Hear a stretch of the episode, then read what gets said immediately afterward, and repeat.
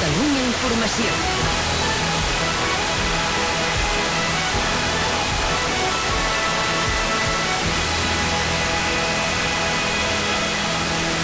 Són les 8.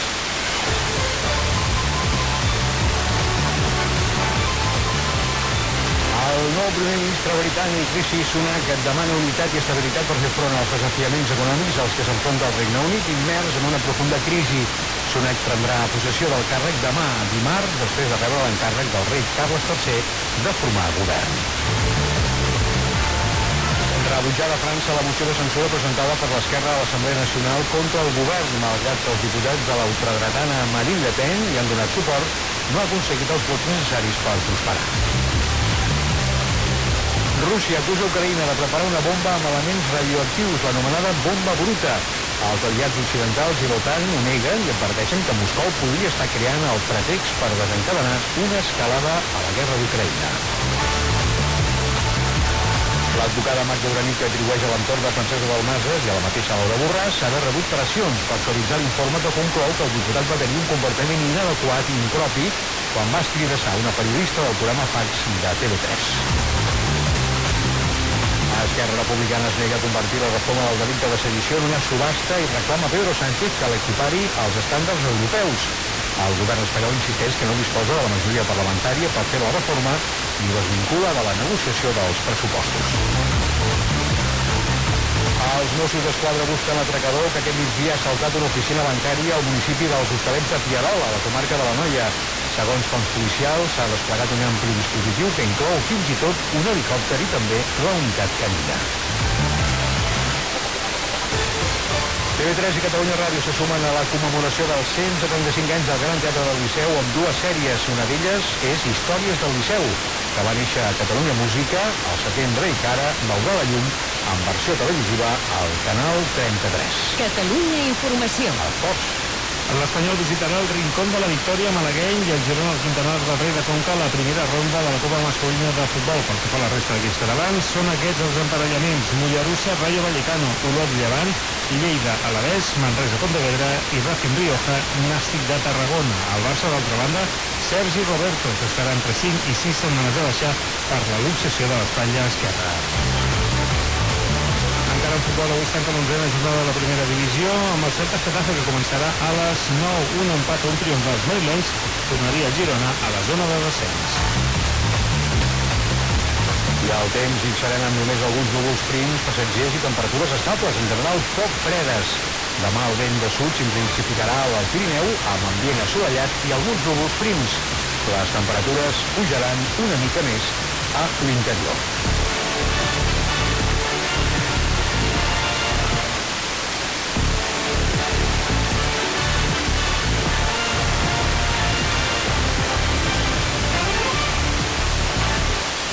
Comencem, passen 3 minuts de les 8 del vespre. Rishi Sunak aposta per l'estabilitat i la unitat després d'haver estat designat com a nou primer ministre del Regne Unit pel Partit Conservador Britànic. Sunak prendrà possessió del càrrec demà després de rebre l'encàrrec del rei Carles III de formar un govern. Arribarà al 10 de Downing Street amb el repte de posar fi a una etapa de turbulències i crisi financera després del fracassat govern de la ja històrica Liz Truss. Anem a Londres, a la capital britànica, amb la crònica de la Colla Ballester.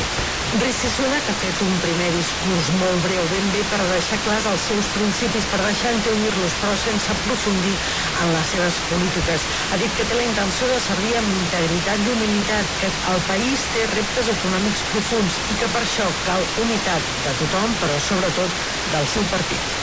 We face a profound economic challenge. Ens enfrontem a un profund desafiament econòmic. Necessitem unitat i estabilitat i convertiré en la meva màxima prioritat mantenir el nostre partit i el nostre país units.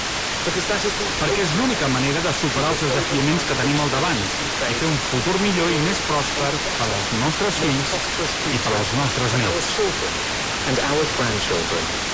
Sunak, que té 42 anys, es converteix en el primer ministre més jove dels últims 200 anys. A més a més, també és el primer ministre britànic hindú.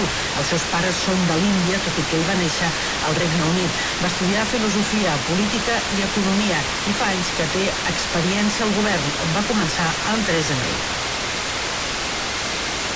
Rebutjada a França la moció de censura presentada per l'Esquerra a l'Assemblea Nacional contra el govern. Malgrat que els diputats de la ultradretana Marine Le Pen hi han donat suport, no ha aconseguit els vots necessaris per prosperar. En total hi han donat suport 239 diputats i en calien 289 per fer cabo l'executiu de la primera ministra, Elisabeth Borne. Els diputats francesos han de pronunciar-se encara sobre una segona moció de censura, presentada aquesta vegada pel grup de Le Pen, que encara té menys opcions de tirar endavant, ja que no rebrà el suport de l'esquerra. Les mocions de censura van ser presentades a finals de la setmana passada, després que Born optés per aprovar els pressupostos del 2023 mitjançant un mecanisme constitucional que evita el debat a l'Assemblea Nacional. Intercanvi d'acusacions sobre qui vol provocar una escalada de la guerra a Ucraïna. El cap de l'estat major el cap de l'estat major de Rússia, Valery Geshaminov, s'ha entrevistat per telèfon amb els seus homòlegs britànic i nord-americà amb l'argument que Ucraïna està preparant una anomenada bomba bruta, un explosiu que dissemina elements radioactius en un entorn limitat. Reiterava així una advertència esgrimida des del diumenge pel Kremlin. El general rus responsable de la defensa nuclear, Igor Kirillov, ho exposava d'aquesta manera. D'acord amb la informació que tenim, dues institucions ucraïneses tenen l'encàrrec de construir l'anomenada bomba bruta. Les feines estan a la fase final. La provocació persegueix acusar Rússia d'utilitzar armes de destrucció massiva a l'escenari de guerra ucraïnès. Això desencadenaria tot el món una campanya massiva contra Rússia amb l'objectiu de minar la confiança en Moscou. Ucraïna ho nega i els seus aliats occidentals acusen Rússia d'inventar aquesta amenaça per tenir un pretext per una escalada a la guerra. L'OTAN ha combinat Moscou a evitar aquest pas, però el Ministeri de Defensa rus afirma que les seves forces s'estan preparant per treballar sota els efectes de la radioactivitat. Passant 100 minuts de les 8 del vespre, a casa nostra l'advocada Magda Uranic denuncia haver rebut pressions per suavitzar l'informe que conclou que el vicepresident i diputat de Junts, Francesc de Dalmases, va tenir un comportament inadequat en acabar l'entrevista del programa Fax de TV3 a Laura Borràs. En declaracions al matí de Catalunya Ràdio, Uranic ha vinculat les pressions a l'entorn de Dalmases. Cinc pressions De qui?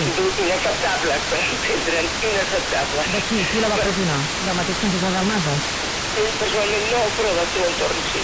Unes pressions que en una entrevista a la planta baixa de TV3 ha atribuït directament a la mateixa presidenta de Junts, Laura Borràs. Jo quan els periodistes, com és la vostra obligació, m'heu preguntat molt impressions, que he rebut algunes pressions. D'aquí i d'aquí de la senyora Borràs sí, perquè no he volgut declarar especialment això. Ara, pressions, sí, sí, sí, n'he rebut.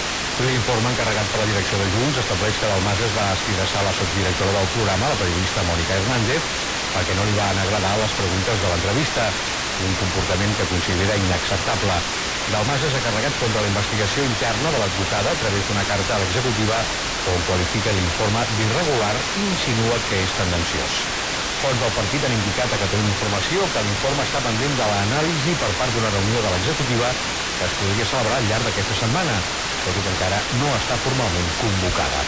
Les mateixes fonts recorden que a la vista de les conclusions, la Comissió de Garanties del partit hauria d'elevar una proposta d'actuació a la direcció, però apunten que l'executiva podria analitzar la polèmica sense esperar aquest tràmit. Esquerra Republicana avisa la Moncloa que serà molt exigent amb la reforma del delicte de sedició i reclamen que s'equipari als estàndards europeus. Avui el diari El País publica que Pedro Sánchez s'obre a reduir a la meitat les penes de presó previstes per aquest delicte amb la idea de deixar-lo com està a la majoria de països europeus. L'executiu espanyol desvincula la reforma del Codi Penal de la negociació dels pressupostos espanyols, però els republicans recorden que les converses sobre els comptes tenen dues potes, l'agenda social i l'antirepressiva. Madrid, Paula Boligens. Esquerra recorda Pedro Sánchez que són molt lluny encara d'aprovar els comptes i l'avisen que la desjudicialització i els avenços a la taula de diàleg van en paral·lel. Per això reclamen a Sánchez que sigui ambiciós amb la reforma de la sedició i que l'equipari a Europa on les penes de presó no superen els 5 anys. Marta Vilalta, portaveu dels republicans. Considerem que el govern de l'Estat ja sap el que ha de fer, el camí l'indiquen aquests organismes internacionals i el que evidentment no farem des d'Esquerra Republicana és entrar en una subhasta pública de negociació sobre el Codi Penal atès que és un tema molt seriós. Fons de la Moncloa expliquen que no hi ha una proposta definitiva sobre la taula i que per ara només hi ha contactes informals abordar la reforma i la tornen a desvincular de la negociació dels pressupostos. Isabel Rodríguez, ministra portaveu. No está en el debate ni en la negociación de estos presupuestos. Cuando hablemos de presupuestos podremos hablar de las partidas de becas, de las partidas en inversiones, incluso de las inversiones en Cataluña, pero no de esta otra cuestión que es una carpeta distinta donde, insisto, la posición del gobierno es bien clara y si se dieran las circunstancias una mayoría podría llevarse a cabo, pero dudo que en estos momentos esa mayoría esté conformada. Tot i que en té prou amb majoria absoluta, per tant, amb el bloc de l'investidura. Mentre que la Moncloa reitera que no hi ha majoria al Congrés, el PSC ha assegurat avui que abans d'acabar la legislatura s'haurà reformat el delicte. L'Ajuntament de Premià de Dalt, el Maresme i l'empresa que s'ocupa rescindiran el contracte perquè la policia local rebés assessorament per desallotjar habitatges amb ocupes vinculats a fets delictius. La decisió arriba després de la polèmica i les pressions per part dels partits que governen el consistori, Junts i el PSC. Premià de Dalt, Marta Vallès. En un comunicat penjat a la pàgina de l'Ajuntament de Premià de Dalt s'informa que la rescisió del contracte s'ha pres a mutu acord. Després que a principis de la setmana passada es fes pública la relació de l'Ajuntament amb aquesta empresa, es va generar força polèmica perquè Desocupa té diverses denúncies per fer ús de mètodes suposadament violents i també se la relaciona amb l'extrema dreta, fet que des de la firma neguen. Divendres el responsable de Desocupa va anunciar a les xarxes socials que davant l'enrenou faria el servei gratuït i renunciaria als 3.000 euros per l'assessorament que establia el contracte. Posteriorment, l'alcalde i el responsable de l'empresa han anunciat també a les xarxes que rescindeixen aquest acord. El govern municipal de Premià de Dalt està format per Junts per Catalunya, Partit de l'Alcalde i el Partit dels Socialistes. Les cúpules de les dues formacions van demanar a l'Ajuntament que es fes enrere, mentre que des de l'oposició s'exigia la dimissió de l'alcalde, Josep Triador. El procés per rescindir el contracte és que Desocupa ho demani en una instància que l'Ajuntament acceptarà. Tot i això, el comunicat acaba dient que l'empresa assessorarà la policia local de manera gratuïta si es demana davant una ocupació mafiosa.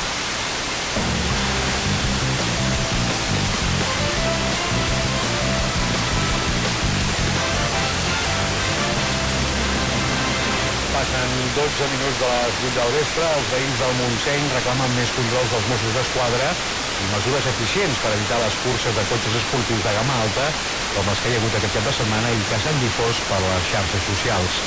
En unes declaracions de Catalunya Informació, l'alcaldessa del municipi de Montseny, Núria Masnou Pujol, ha explicat que les curses van arrencar a les 7 del matí i es van repetir ja al vespre quan era fosc.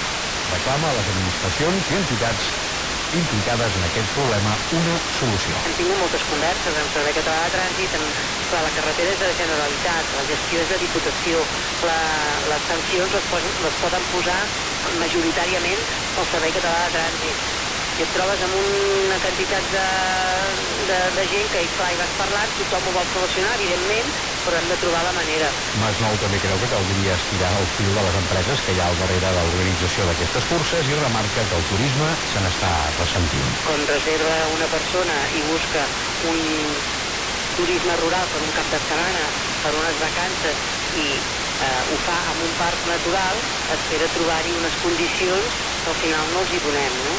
Eh, la gent que treballa aquí es trobarà, ja s'han trobat, amb clients que els han dit que no tornarien més. Carles Homeres, portaveu de la Plataforma per la Salvaguarda del Montseny, concreta que aquestes curses tenen lloc un o dos cops al mes.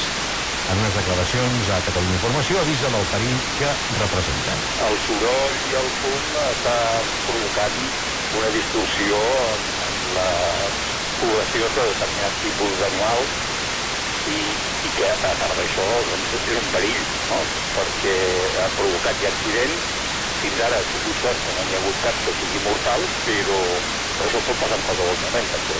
Tot i que els Mossos disposen de les imatges que s'han difost a les xarxes aquest cap de setmana, no els consta cap denúncia per aquests fets. Catalunya Informació. Un equip de científics catalans comença d'avui un experiment per confirmar si encara hi ha permafrost actiu sota els cims més alts del Pirineu. És el primer cop que es fa una prova com aquesta al Pirineu català, però ja hi ha equips que han trobat restes de sol gelat a Sierra Nevada i als picos d'Europa, i se n'està buscant a Andorra i al Pirineu aragonès. El permafrost és terra glaçat, de manera permanent amb terra, pedres, vegetació i gel, on hi ha amagatzemades grans quantitats de carboni i metà congelats.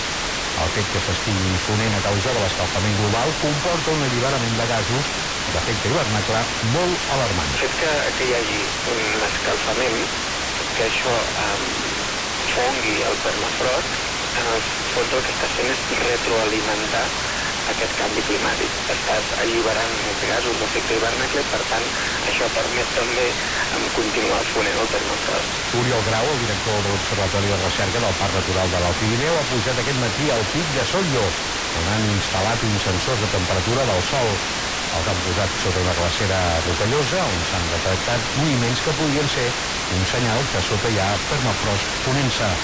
Marc Oliva, del grup ANCALT, de la Universitat de Barcelona, ens explica la relació entre una cosa i l'altra. En el moment en què aquestes crestes rocoses més elevades de Pirineu també estan subjectes a aquest escalfament, el permafrost que hi ha dins, que les manté unides, aquest gel que fa de ciment, diríem, per dir-ho així, entre les esquerdes, quan aquest ciment cedeix, es descongela, les roques cauen.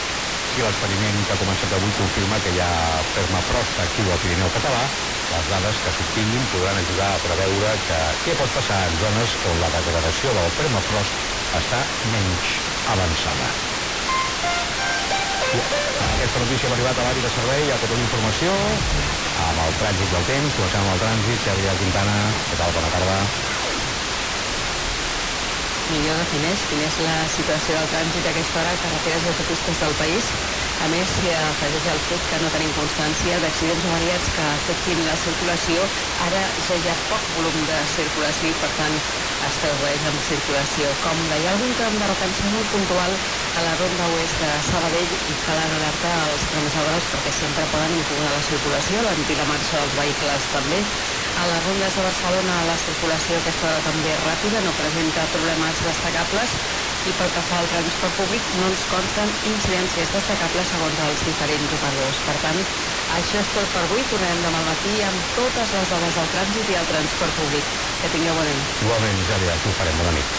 Bona nit. El trànsit al temps, el que fa ara i el que ens espera les pròximes hores. El Jofre Genuet. Aquesta nit l'encarem amb molta calma i tranquil·litat i, de fet, amb pocs canvis a la vista. Uh, nit serena, amb el permís sempre d'aquests núvols prims passatgers que a estones es mostren una mica més abundants, eh, sempre més a ponent que no pas a la resta del territori on uh, tendeixen més aviat a desfer-se. I, per tant, de moment no varia gaire el panorama meteorològic, amb una propera nit i matinada que serà poc freda o fins i tot poc fresca en alguns casos amb aquestes temperatures que no baixen dels 20 graus eh, puntualment a la costa. Al llarg d'aquest dimarts els núvols poden fer-se una mica abundants a la tarda, sobretot a Ponent, amb alguna gotellada al vessant sud eh, de l'Alt Pirineu, però el més significatiu és que reforça de nou el vent de sud a les zones altes eh, del Pirineu, sobretot a Valldaran, a Torregossa, a Pallars i en avisos de ratxes que poden arribar a superar els 100 km per hora. A la resta serà una jornada bastant calcada la d'avui, amb el permís d'alguns núvols prims passatgers sol o ressol, sempre aquests núvols més compactes, com dèiem, a Ponent, i amb unes temperatures que fins podrien enfilar-se una miqueta més a l'interior. A la costa baixaran una miqueta. Catalunya nit, de dilluns a divendres, de 10 a 11, amb Kilian Sabrià. Fem junts una mirada pròpia al dia, des de la nit. Expliquem què passa i per què passa a Catalunya i a tot el món. Catalunya nit amb Kilian Sabrià. El resum de la jornada cada dia a les 10. Ara passant 18 minuts de les 8 del vespre, els Mossos d'Esquadra busquen l'atracador que aquest migdia ha saltat una oficina bancària al municipi dels Hostalets de Pierola, a la comarca de la Noia. Segons fons policials, s'ha desplegat un ampli dispositiu que inclou fins i tot un helicòpter i també la unitat canina. El fet han passat cap a les dues del migdia quan un home armat ha entrat a l'oficina bancària i després d'amenaçar els treballadors s'han dut uns 600 euros de botí. L'assaltant ha demanat que anul·lissin la caixa forta, però el sistema d'obertura retardada i la presència d'una patrulla de la policia local a prop de l'entitat ha fet que marxés ràpidament. La unitat central d'atracaments ha obert una investigació per mirar d'identificar l'assaltant. I un home que volia atemptar amb un dron contra el Camp Nou durant el Barça-Madrid ha acceptat una condemna de 3 anys de presó. Després del pacte que ha arribat amb la Fiscalia, l'Audiència Nacional el condemna pels delictes d'autocapacitació i autoadoctrinament. El condemnat ha reconegut que es va radicalitzar durant la pandèmia i que l'estat islàmic el va contactar per encarregar-li atemptar a Barcelona. A partir d'aquí, segons ha explicat, va fer un procés de capacitació per usar drons i d'adoctrinament jihadista. L'actor Lluís Marco, distingit amb la Venus d'Honor del Festival Filmets de Badalona, el guardó li reconeix l'extensa trajectòria sobre els escenaris a la petita i la gran pantalla i també com a doblador d'artistes com Clint Eastwood o J.K. Simons. Marco va néixer a Badalona i va créixer com a actor i als seus 73 anys encara hi viu. Vaig néixer en aquest poble i sentir-te reconegut sempre és un plaer i més quan no li has pogut donar tot el que millor tu voldries, perquè la meva tasca ha estat més a nivell doncs, eh, nacional. I... Però bé, eh, estic molt content, estic molt satisfet i, i m'omple de joia que el meu poble reconegui doncs, que, que he treballat. L'acte s'ha fet al Teatre Zorrilla, el mateix on va actuar per primera vegada quan només tenia 14 anys. Vam fer Brigada 21, una obra que havia fet una pel·lícula, havia fet el Kit Douglas i la, la van fer tots els grups de teatre de Badalona i jo feia un noi italià que me'n recordo del text, aquesta feina que és, és meravellosa mentre és vocacional. Quan ja passa a ser no sé què, és molt diferent. Jo la vocació no l'he perdut. Molt recordat per les seves interpretacions com a Doctor Per què, al programa Dinamita o a la sèrie Poble Nou, Lluís Marcó no s'atura i col·laborarà amb la sèrie de TV3 La mirada de Fiona, una producció que tot just ha arrencat el rodatge. Catalunya Informació. A tota hora, a tot arreu. TV3 i Catalunya Ràdio se sumen a la commemoració dels 175 anys del Gran Teatre del Liceu amb dues sèries. Una d'elles és Històries del Liceu, que va néixer a Catalunya Música al setembre i que ara veurà la llum en versió televisiva al 33. La presentació s'ha fet aquesta tarda i de seguida allà mateix en directe el nostre company Marc Garriga. Carme, diuen que l'òpera és només per la gent gran. Com ha dit el cap de continguts i programació de TV3, Cristian Trapat, Històries del Liceu és un spin-off de la sèrie que va néixer a Catalunya Música al setembre. El director de la versió televisiva, Àlex Robles, ha explicat que la història del Liceu en majúscules està reservada als historiadors i que l'objectiu de la sèrie era un altre. Ho havien de plantejar diferent. I d'aquí el títol de Històries i de fer aquesta lectura més que no pas historicista a través de les vivències, les emocions, totes les experiències, allò que a vegades s'intueix i no se sap, eh, les anècdotes, fer una lectura molt més de portes endins. Així, els quatre capítols que s'emetran se centren en la gènesi del Liceu, la seva vinculació amb el Conservatori i el primer muntatge de l'òpera Norma com a fil conductor, les grans estrenes i les grans veus i el paper del Liceu com a teatre d'avantguarda, els propietaris, els incidents, el públic que el freqüenta i el Liceu avui amb les reformes tecnològiques i musicals que s'hi han dut a terme i com apunta el director general de la institució, Valentí Oviedo, a Catalunya Ràdio, amb la vista posada en el futur. Nosaltres ens ancorem eh, al passat perquè som molt respectuosos amb el que representa el Liceu i els seus 175 anys, però per agafar impuls, per projectar-lo en el futur. I aquí, en la sèrie, es detecta molt clarament cap on apunta, quins són els valors del segle XXI del Liceu, perquè, al cap de la fi, és una organització i una institució viva que no pot quedar enrere si vol seguir sent part cultural. El presentador de la versió televisiva és el mateix que el de Catalunya Música, Albert Galceran, que també hi presenta els homes clàssics, i que ha afegit que hi haurà un cinquè capítol extra, sorpresa, arran d'una gran entrevista a un tenor clau en la història del Liceu. La cosa és que el senyor Ferret, aquest dia crec que teníem que parlar i, i estar molt generós amb nosaltres i ens ha donat una entrevista realment molt interessant que parla, hem repassat tota la seva vida vinculada amb aquest teatre fins a dia d'avui, fins tot pensant en el futur. I el tenor Joc Ferret agraïm precisament aquesta generositat perquè un cop vam veure l'entrevista que havia de ser només un fragment d'uns 6 minuts, vam insistir una miqueta, va mireu-vos-la, que es va prendre la decisió de transformar aquesta entrevista en un programa que serà, podem dir ja que parlem al món de l'òpera com un bis. L'altra sèrie és l'òpera prima, un docu-reality sobre la creació del muntatge de La gata perduda, l'òpera que el Liceu ha muntat per i amb la gent del Raval i que s'estrenarà el 3 de novembre.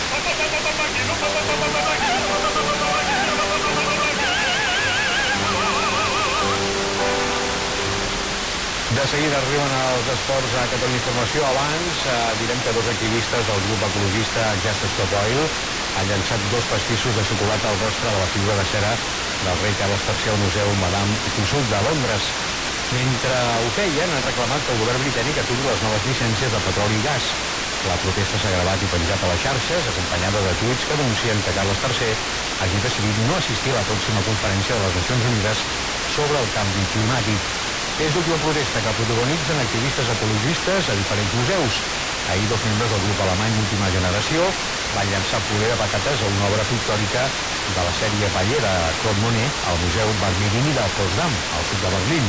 I fa 10 dies, dos membres també de Stop Oil van llançar sopa de tomàquet sobre els girasols de Van Gogh al National Gallery de Londres. Després es van enganxar les mans a la paret mentre demanaven si valia més l'art que la vida. Amb aquesta notícia hem arribat a 5 minuts abans de dos quarts de nou del vespre. Els esports. Amb això arribarem fins al punt de dos quarts i amb el David Obat. David, què tal? Bona tarda. Bona tarda.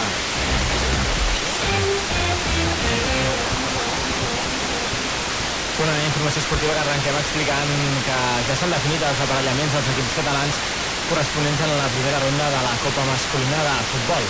L'Espanyol, d'una banda, visitarà el rincón de la victòria malagueny, mentre que el Girona jugarà al camp del Quintanar del Rei, de Conca. El Barça, el Madrid, el Betis i el València estan exempts d'aquesta primera ronda perquè han de disputar la Supercopa. Tampoc han entrat al bombo el Racing de Santander, campió de la primera divisió de la Federació Espanyola.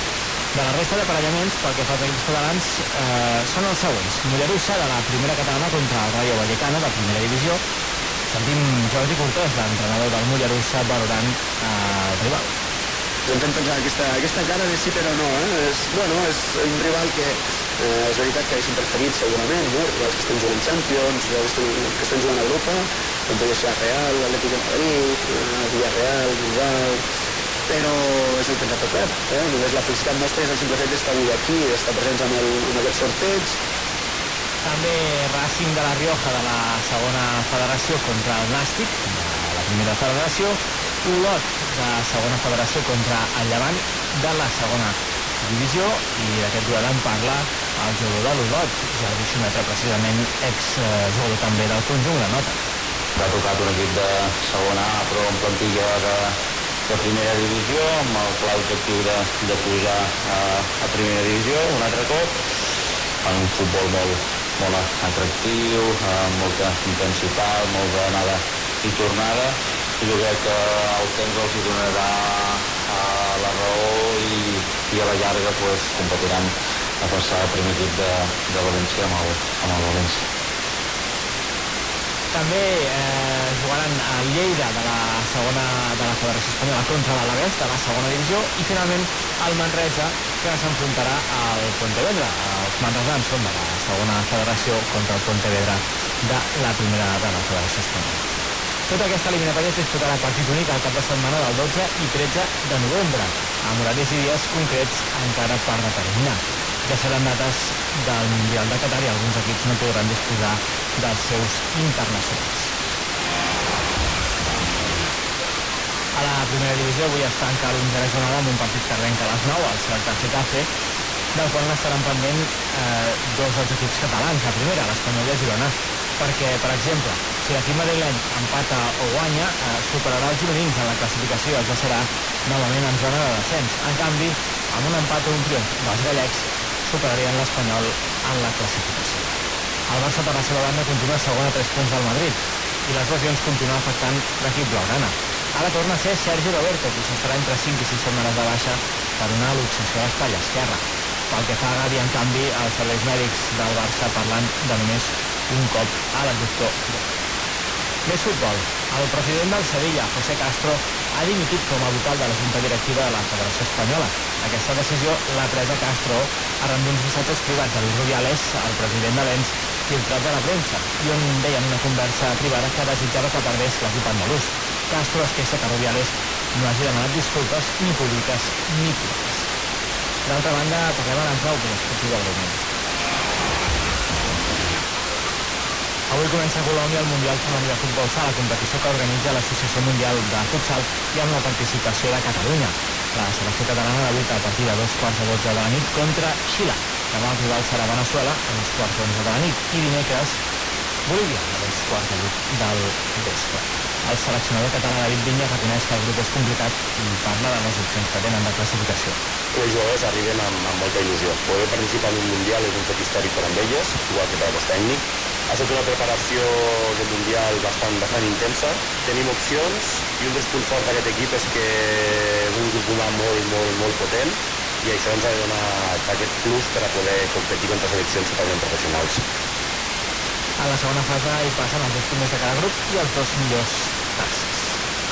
Destaquem també que el regatista Jordi Samar i Sílvia Mas són els catalans que participen en el Mundial de la classe 470 mixta que comença avui a Israel. Samar s'aparella amb Nora Brookman i Sílvia Mas amb Nico Rodríguez.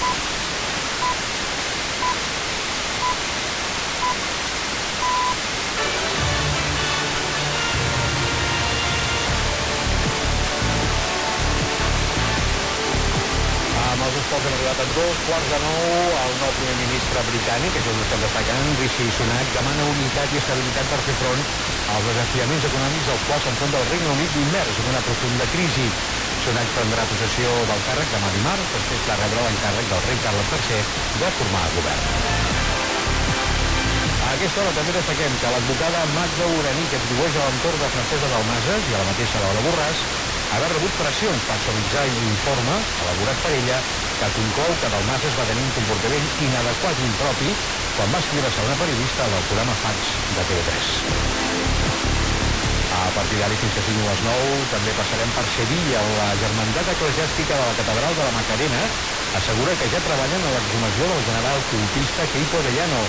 El govern espanyol havia ordenat retirar-ne les restes de la basílica amb urgència tres dies després de l'entrada en vigor de la nova llei de memòria democràtica. I el projecte de casino i oci de Hard Rock a la Costa Daurada ha tornat a quedar frenat per un informe desfavorable del Departament d'Acció Climàtica que conclou que la iniciativa no compleix els requisits ambientals. Catalunya Informació. I en de Bitubat que destaquem?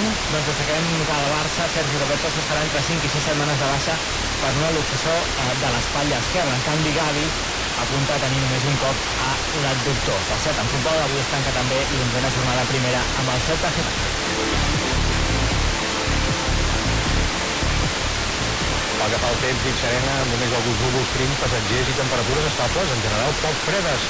Demà el vent de sud s'intensificarà al Pirineu, amb ambient assolellat i alguns núvols prims. Les temperatures pujaran una mica més a l'interior.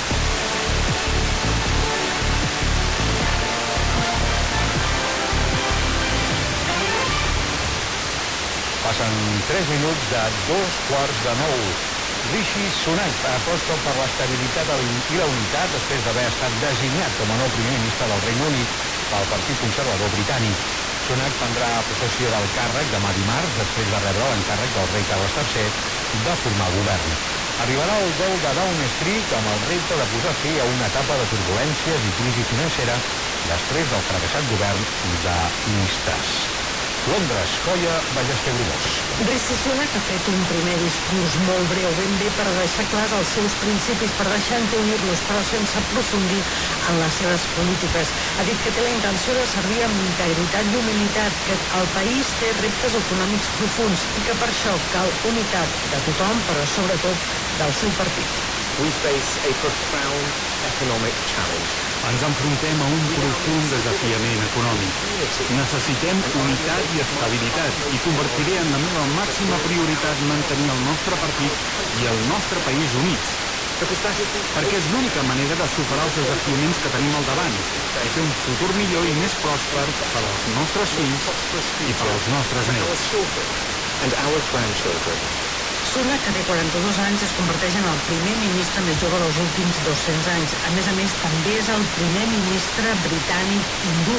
Els seus pares són de l'Índia, tot i que ell va néixer al Regne Unit. Va estudiar filosofia, política i economia i fa anys que té experiència al govern, on va començar el 3 de gener. Intercanvi d'acusacions sobre qui vol provocar una escalada de la guerra a Ucraïna. El cap de l'estat major de Rússia, Valery Geresaminov, s'ha entrevistat per telèfon amb els seus homòlegs britànic i nord-americà amb l'argument que Ucraïna està preparant una anomenada bomba bruta, un explosiu que dissemina elements radioactius en un entorn limitat. Reiterava així una advertència esgrimida des de diumenge pel Kremlin. El general rus responsable de la defensa nuclear, Igor Kirilov, ho exposava d'aquesta manera. D'acord amb la informació que tenim, dues institucions ucraïneses tenen l'encàrrec de construir l'anomenada bomba bruta. Les feines estan a la fase final. La provocació persegueix acusar Rússia d'utilitzar armes de destrucció massiva a l'escenari de guerra ucraïnès. Això desencadenaria tot el món una campanya massiva contra Rússia amb l'objectiu de minar la confiança en Moscou. Ucraïna ho nega i els seus aliats occidentals acusen Rússia d'inventar aquesta amenaça per tenir un pretext per a una escalada en la guerra. L'OTAN ha comminat Moscou a evitar aquest pas, però el Ministeri de Defensa rus afirma que les seves forces s'estan preparant per treballar sota els efectes de la radioactivitat. La Comissió Europea veu amb bons ulls l'acord entre Espanya, França i Portugal sobre el Barma del corredor d'hidrogen entre Barcelona i Marsella, que ha de substituir el projecte MidCat. Tot i això, des de Brussel·les es mostren a l'expectativa i esperen que els tres països concretin els detalls tècnics abans de decidir si Europa finança part d'aquest projecte. En Brussel·les, Jordi Baró. Primera valoració de la Comissió Europea en favor de la nova canonada submarina projectada entre Barcelona i Marsella. Brussel·les celebra l'acord polític de la setmana passada dels governs espanyol, francès i portuguès, però defensa que encara és aviat per determinar si aquest nou corredor d'hidrogen es podrà construir amb ajudes europees. El portaveu d'Energia, Tim McPay, recorda que una primera condició és que la infraestructura transporti energies verdes.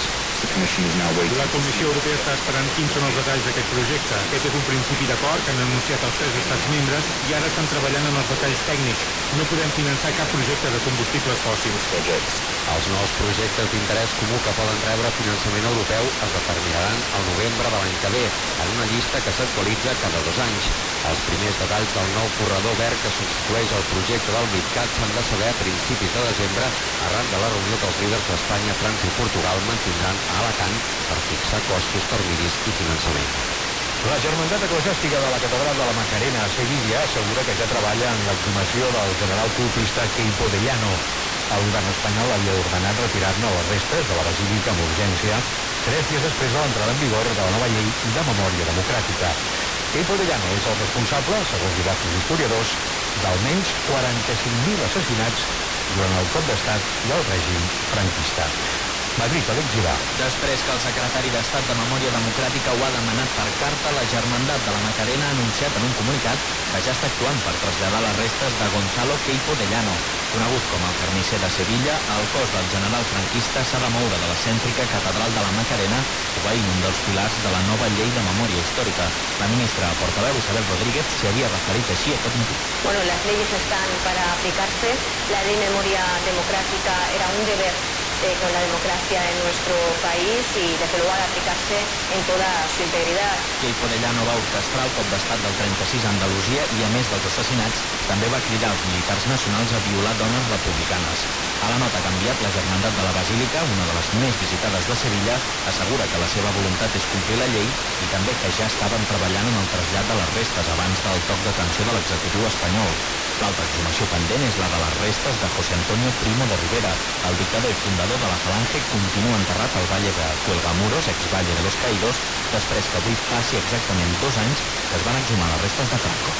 La construcció del complex de Hard Rock a la Costa Daurada torna a quedar frenat per un informe desfavorable d'acció climàtica. Els alcaldes de Salou i Vilaseca preveuen que la tramitació del pla urbanístic tirarà endavant amb les adaptacions requerides i no s'invalidarà el projecte. Tarragona, Ricard Buitas. Nou contratemps pel projecte de Hard Rock. Aquesta vegada, un informe d'acció climàtica desfavorable indica que les modificacions fetes en el pla director urbanístic no compleixen els criteris mínims de protecció ambiental. El portaveu de la plataforma No Juguem, aturem Hard Rock, Eloi Redon, exigeix la retirada del macroprojecte. Aquest informe és absolutament demolidor i pràcticament demana refer-lo de nou. El marge que tenen per fer aquestes modificacions, que són substancials, és pràcticament com aturar-lo. Els alcaldes no pensen el mateix. Esperen que el govern faci les adaptacions necessàries per aprovar el pla urbanístic. Això sí, critiquen els 10 anys de tramitacions que porten per tirar endavant el projecte. L'alcalde de Vilaseca, Pere Segura, s'ha referit al risc que els inversors es cansin. Jo crec que hi ha un punt de risc, això és evident. Per molt que li intentem buscar excuses, no en té cap. Hem de fer una autocrítica com a país, ens hem instal·lat amb, amb el país del no. L'alcalde de Salou, Pere Granados, critica directament directament la coordinació entre territori i acció climàtica. Denotem que hi ha un govern que està una mica descontrolat, si no descontrolat, descoordilat, no? perquè aquestes coses es parlen per solucionar-les prèviament. Territori està treballant amb acció climàtica per incloure les modificacions requerides. Catalunya Informació. Els tallers de cotxes denuncien al Parlament Europeu l'abús de les assegurances en la reparació de vehicles com que se'ls paga per sota del cost real. Per això, les quatre grans patronals del sector, CETRA, CONEPA, Adenauto i Gambani, han presentat una petició conjunta a Brussel·les perquè s'investigui si l'estat espanyol incompleix les directives comunitàries de la lliure competència. I ara, la Comissió Europea obrirà una investigació. El problema, asseguren, és que les companyies d'assegurances imposen els seus barems. Ramon Casas és el secretari general del Gremi de Tallers de Barcelona i Jordi Solà, president de l'Associació de Comerç i Reparació de Vehicles de Girona. La fixació dels preus de mà d'obra per les reparacions, la dependència econòmica dels pèrits, la imposició, en alguns casos inclús, de la utilització de determinats recanvis o de determinats proveïdors de peces, en alguns casos obliguen a l'usuari a portar el seu vehicle a reparar a determinat taller. És insostenible poder fer les reparacions i que les empreses eh, puguin viure. Tot plegat els fa perdre, asseguren, fins a un 40% del preu fixat al taller. I això ha portat alguns negocis a renunciar a algun encàrrec. Una companyia d'assegurances no sols no respecta aquest preu, sinó que el fa de baixa, estem parlant de rebaixes de fins a un 40%. Impossible fer aquella reparació amb el temps que ens paguen i a més a més ens paguin un preu hora per sota el que nosaltres tenim estipulat que necessitem per, per la viabilitat de la nostra empresa. En un comunicat, la gran patronal de les companyies d'assegurances, UNESPA, declina qualsevol responsabilitat. Assegura, primer, que les explicacions les hauria de donar el govern espanyol, ja que la petició feta a Europa és contra l'Estat per incompliment de directives i no en contra seva. I en segon lloc defensa que les relacions entre els tallers i les companyies són bilaterals i la patronal no hi participa. El Ministeri d'Economia diu que està pendent de la investigació europea. Encara referits a la mobilitat, la planta de Seat de Martorell ha aturat una de les seves línies de producció per falta de peces. Segons fons sindicals, s'ha parat la línia 1 on es fabriquen els models Ibiza i Arona.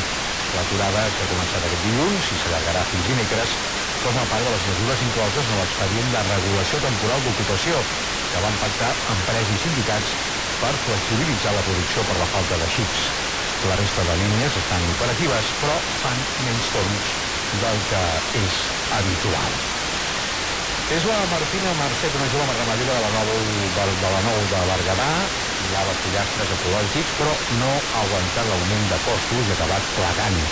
L'encariment dels cereals i l'energia està posant en risc moltes petites explotacions familiars.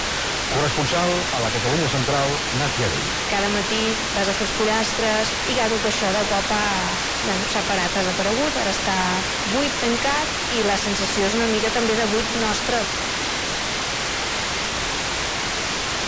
La Martina ho ha trobat tot, però amb l'encariment del PINS un 40% en un any i la baixada de les vendes, els números a tal rotllo no surten. Nosaltres hem estat 10 anys batallant per tirar endavant un, un projecte que a més són projectes que costen molt esforç, que requereixen inversions importants, per circumstàncies que tu no, no pots acabar de controlar, no pots seguir. Avui el Francesc Molins, que té cabres, aguanta com pot i endeutat fins a les celles, quan amb la pandèmia o muntava una formatgeria o llançava la nit. Que si la guerra d'Ucraïna, que si la pujada de preu, ens hem tornat a fer patapum avall. Però amb l'afegit, esclar, estem assumint encara, però què fas? Anar aguantant. Des d'Unió de Pagesos alerten que els costos s'han doblat en poc temps i si això no s'atura, moltes explotacions estan condemnades a tancar. Francesc Armengol és el responsable de ramaderia. Avui, de fer funcionar qualsevol explotació, necessitem el doble de capital per fer la mateixa roda. Estem pagant el doble del que val l'alimentació i estem pagant el doble del que val l'energia. Si no som capaços de trobar finançament per, per, per continuar treballant aquesta roda, moltes de les explotacions que tenim avui que estan lligades al territori se veuran obligades a tancar. El sindicat calcula que en 10 anys han tancat el 10% d'explotacions al país. La direcció i el comitè d'empresa de la fàbrica Nestlé a Girona han arribat a un acord sobre la major part de condicions laborals dels afectats per la deslocalització de la línia de descafeïnat al Vietnam.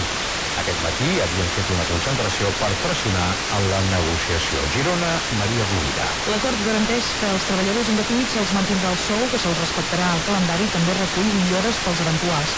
A més, aquells que no acceptin la mesura i optin per l'acomiadament se'ls indemnitzarà com si fossin procedent. L'acord l'han subscrit els cinc sindicats que formen part del comitè. Ho ha explicat en aquesta emissora Lluís Parra, president del comitè d'empresa. Nosaltres hem quedat satisfets, no contents, perquè pensaria que no ens toquessin les condicions laborals, nosaltres tenim unes condicions que no toquessin per nosaltres era l'important, però dintre de la proposta inicial que va fer l'empresa la primera reunió, satisfet perquè no ens retoca el salari ni les categories professionals i no ens toquen els calendaris que tenim actualment. L'acord s'ha signat aquesta tarda i ja l'ha avalat la plantilla. Des del comitè d'empresa han afegit que s'aturen les mobilitzacions i que no es farà vaga, però sí que es continuaran manifestant la disconformitat amb la deslocalització de la línia de descafeinat al Vietnam. Precisament avui acabava el període de consultes després que la companyia ho anunciés. El trasllat es farà efectiu el 31 de gener de l'any que ve. Catalunya Informació. Informació arribem al temps, àrea de servei de Catalunya Informació, el que espera amb el Jofre Genover. Les temperatures màximes avui finalment han arribat a tocar els eh, 30 graus en punts de l'Alt Empordà i també cap a les Terres del Sud, a les Terres de l'Ebre, amb aquests 29 amb 9 al Dober, per exemple, o 29 amb 7 a Cabanes.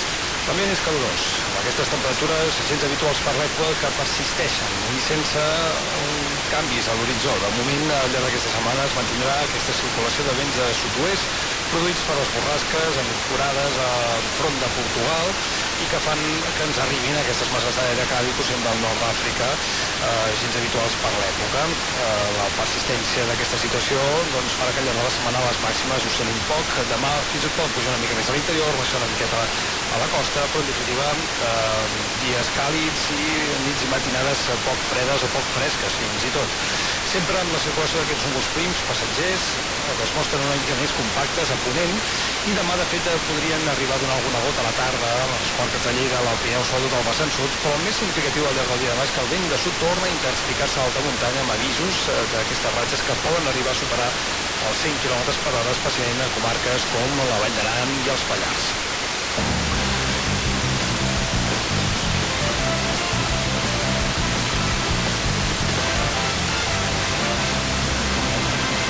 14 minuts i seran les 9 de la nit. El govern del Consell Comarcal de la Noia podrà pagar finalment quan toca les nòmines als 180 treballadors de la institució, tot i que encara no disposa de la figura d'interventor que és imprescindible per fer aquests pagaments. L'ens comarcal assegura que la situació s'ha pogut desbloquejar avui gràcies a un decret excepcional de presidència, una de les opcions que s'estaven estudiant. La setmana passada el Consell va anunciar que no podia pagar temps les nòmines d'octubre i novembre als seus treballadors, ja que l'interventor havia agafat la baixa i no havien trobat ningú pel càrrec. El Consell treballava amb la previsió que no podia fer els pagaments fins al 2 de desembre, quan un treballador de l'ENS podrà assumir la feina, però finalment, com dèiem, s'ha trobat una solució fins que el càrrec d'interventor quedi cobert. I es duplica la presència d'empreses vinculades a la generació d'energia i a la mobilitat elèctrica a la Fira de Mostres de Girona, que començarà divendres que ve coincidint amb l'inici de les festes de Sant Narcís. El certamen celebra 60 anys i continua sent l'aparador de la indústria i el comerç de la demarcació. Girona, Fèlix Martín. Hi haurà 278 expositors, un 8% més que l'any passat, i entre les novetats, més empreses de mobilitat i més empreses de fabricació i venda de plaques solars. Un punt que ha destacat avui la directora de Fira de Girona, Ponalí Per exemple, aquest any passen de 8 a 14 les empreses vinculades a la greu crisi energètica que estem patint. Ens referim a empreses de plaques solars, tant residencials com industrials, aerotèrmia, energia mineòlica, estufes, pèl·lets, eh? i per tant aquest creixement de participació també suposa un creixement en metres quadrats, arribant fins als 300 metres quadrats expositiu en aquests productes. En total participaran a la Fira de Mostres de Girona 278 expositors, un 8% més que l'any passat, però encara per sota del 2019. S'elimina la Fira Virtual, que es va engegar també l'edició anterior. Estarà oberta 5 dies al recinte final de la Badesa de Girona fins al dia 1 de novembre. L'any passat va rebre 60.000 visitants. Tret de sortida avui a Tortosa de la celebració dels 750 anys del Consolat de Mar i el llibre de les funcions de Tortosa, origen del dret marítim internacional. El president aragonès presideix l'acte inaugural. Tortosa, Anna Ferràs. Per commemorar estos tres quarts de mil·lenni, el Consolat vol difondre la contribució de la institució en el comerç, el dret, la pau o la diplomàcia des del segle XIII i fins a l'actualitat. L'efemèride coincideix amb els 750 anys també del llibre dels costums de Tortosa, un document de jurisprudència que inclou els costums de mar, embrió del llibre del consolat i origen del dret marítim internacional. De fet, és el primer codi de comerç internacional escrit en català. Per reivindicar la rellevància de Tortosa es fa esta tarda l'acte inaugural de la celebració a l'Auditori Felip Pedrell, un acte conduït per la cantant i actriu ebrenca Carol Rovira i on Marina Rossell i altres artistes faran un viatge musical per estos 750 anys d'història jurídica. També es desvetllaran avui les accions previstes fins a final de l'any que ve per celebrar l'efemèride. Segueix l'actualitat a arroba catinformació.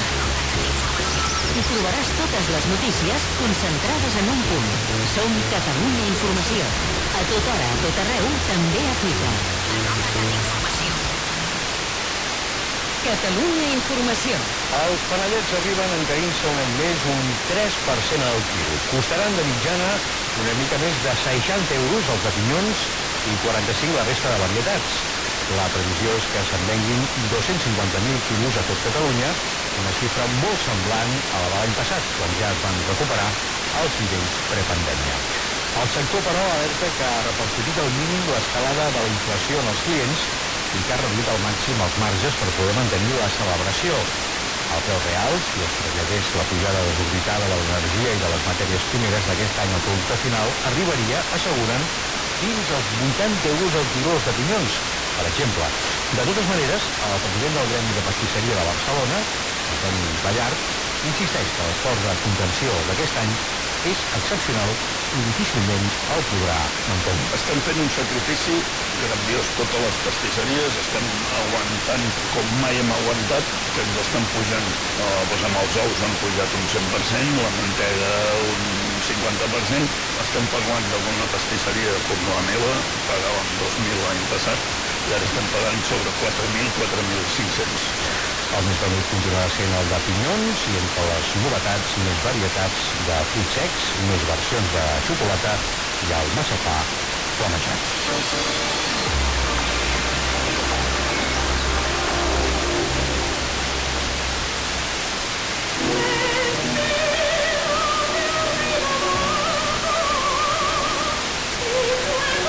Una exposició al Museu de la Música de Barcelona commemora el centenari de la mort del gran compositor i musicòleg tortosí Felip Pedrell, defensor de la música tradicional com a font d'inspiració. La mostra, que obre al públic dimecres, repassa la seva obra i la influència que ha exercit fins als nostres dies amb materials diversos, com detalla el director del museu, Jordi Alomar. Des de correspondència fins a manuscrits de l'autor, trobem objectes personals seus, tenim el seu piano ràpid, primeres edicions de les seves feines, ja fossin llibres com partitures, però el que crec que és més interessant d'aquesta exposició és com tots aquests elements històrics dialoguen amb un conjunt de materials audiovisuals que es poden tant escoltar com veure que demostren aquesta relació entre present i passat. Una exposició al Museu de la Música de Barcelona commemora el centenari de la mort del gran compositor i musicòleg tortosí Felip Pedrell, defensor de la música tradicional com a font d'inspiració. La mostra, obre al públic dimecres, repassa la seva obra i també la influència que ha exercit fins als nostres dies amb materials diversos, com detalla el director del museu, Jordi Alomar. Recessona que ha fet un L'exposició inclou una illa sonora formada per 25 altaveus, on es pot escoltar des d'aquesta cançó de Pedrell amb la veu de la soprano Conxita Badia fins a obres de deixebles seus com Enric Granados, passant per músiques actuals de jazz o flamenc influïdes per l'autor. A la commemoració de Pedrell també s'hi sumarà l'Orquestra Simfònica de la Ciutat Comtal de Barcelona i també Nacional de Catalunya, que aquesta temporada interpreta dos poemes sinfònics del compositor sota la direcció de Ludovic Morlot i de Marta Gandorninska.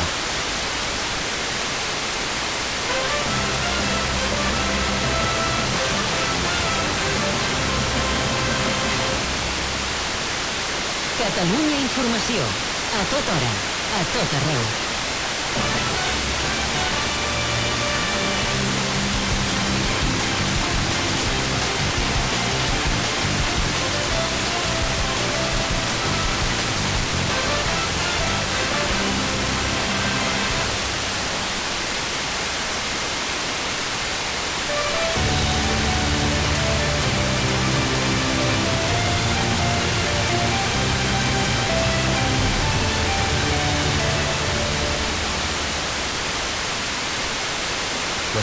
Anirem a la informació esportiva a Catalunya Informació. Falten gairebé 5 minuts per arribar a les 9 de la nit. Tota l'actualitat, tot el dia, al Twitter de Catalunya Informació. Segueix-nos a arroba catinformació. Catalunya Informació. Les notícies a l'instant.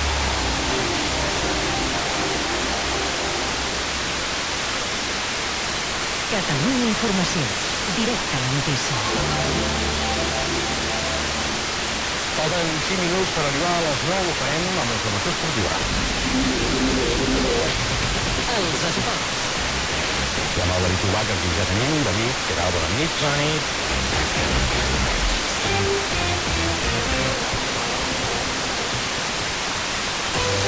A la tienda Bici.com et portem aigua, sucs i tots els productes de la nostra web a casa. No carreguis pes, nosaltres ens movem per tu. Bici Catalana us ofereix els esports.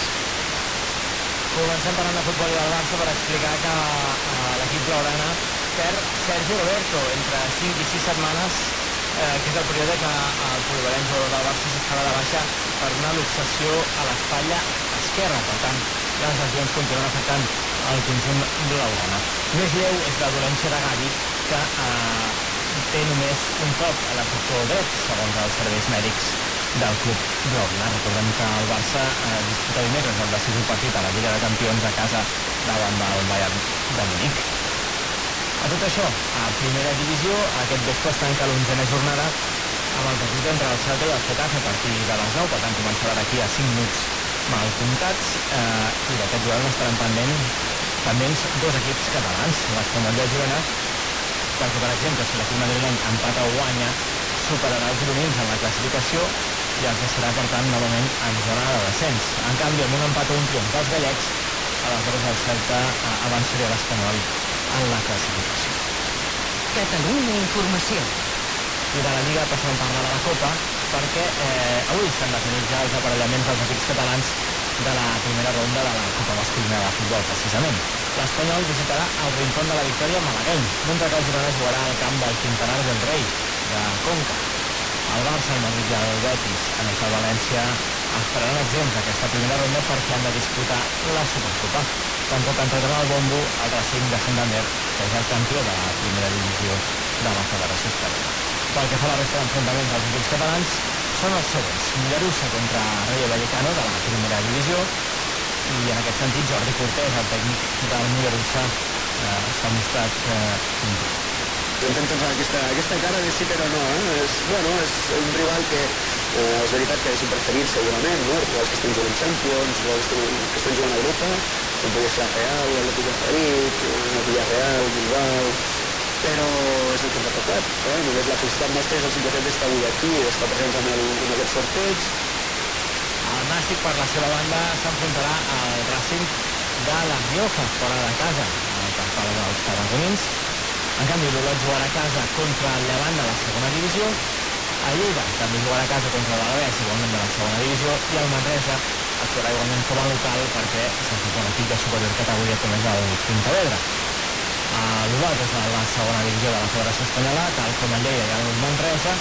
El Nàstic és de la primera divisió de la Federació Espanyola i el Mollerussa de la primera catalana i va eliminar el Cardassà a l'anterior eliminatòria prèvia. Pel que fa a l'Olot, que també jugarà contra el Llevant, el seu jugador Jordi Xumetra s'ha referit precisament a aquest duel contra el seu exequip. Ha tocat un equip de segona però en plantilla de, de primera divisió, amb el clar objectiu de, de pujar a, a primera divisió un altre cop, amb un futbol molt, molt atractiu, amb molta intensitat, molta anada i tornada, i jo crec que el temps els hi donarà a la raó i, i a la llarga pues, competiran a passar el primer equip de, de València amb el, amb el València. Tota aquesta eliminatòria es disputarà partit únic al cap de setmana del 12 i 13 de novembre amb horaris i dies encara per determinar. Ja seran dates de preparació per al Mundial de Qatar i per tant alguns equips no podran disposar dels seus jugadors internacionals. Encara en futbol, el president del Sevilla, José Castro, ha dimitit com a vocal de la Junta Directiva de la Federació Espanyola. Aquesta decisió l'ha presa Castro arran d'uns missatges privats de Luis Rubiales, el president de l'ENS, filtrats a la premsa i on deia en una conversa que desitjava que les perdés l'equip andalús. Casos que Socarro Viales no hagi demanat disculpes ni públiques ni privades. En clàusula esportiva avui comença a Colòmbia el Mundial Femení de Futbol Sala, competició que organitza l'Associació Mundial de Futsal i amb la participació de Catalunya. La selecció catalana debutarà a partir de dos quarts de dotze de la nit, hora catalana contra Xile.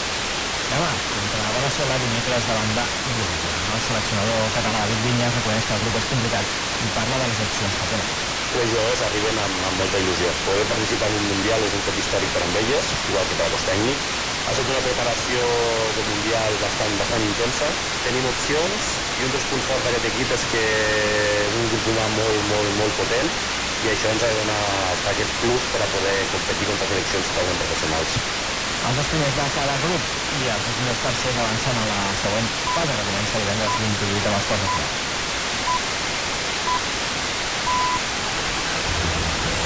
Catalunya Informació.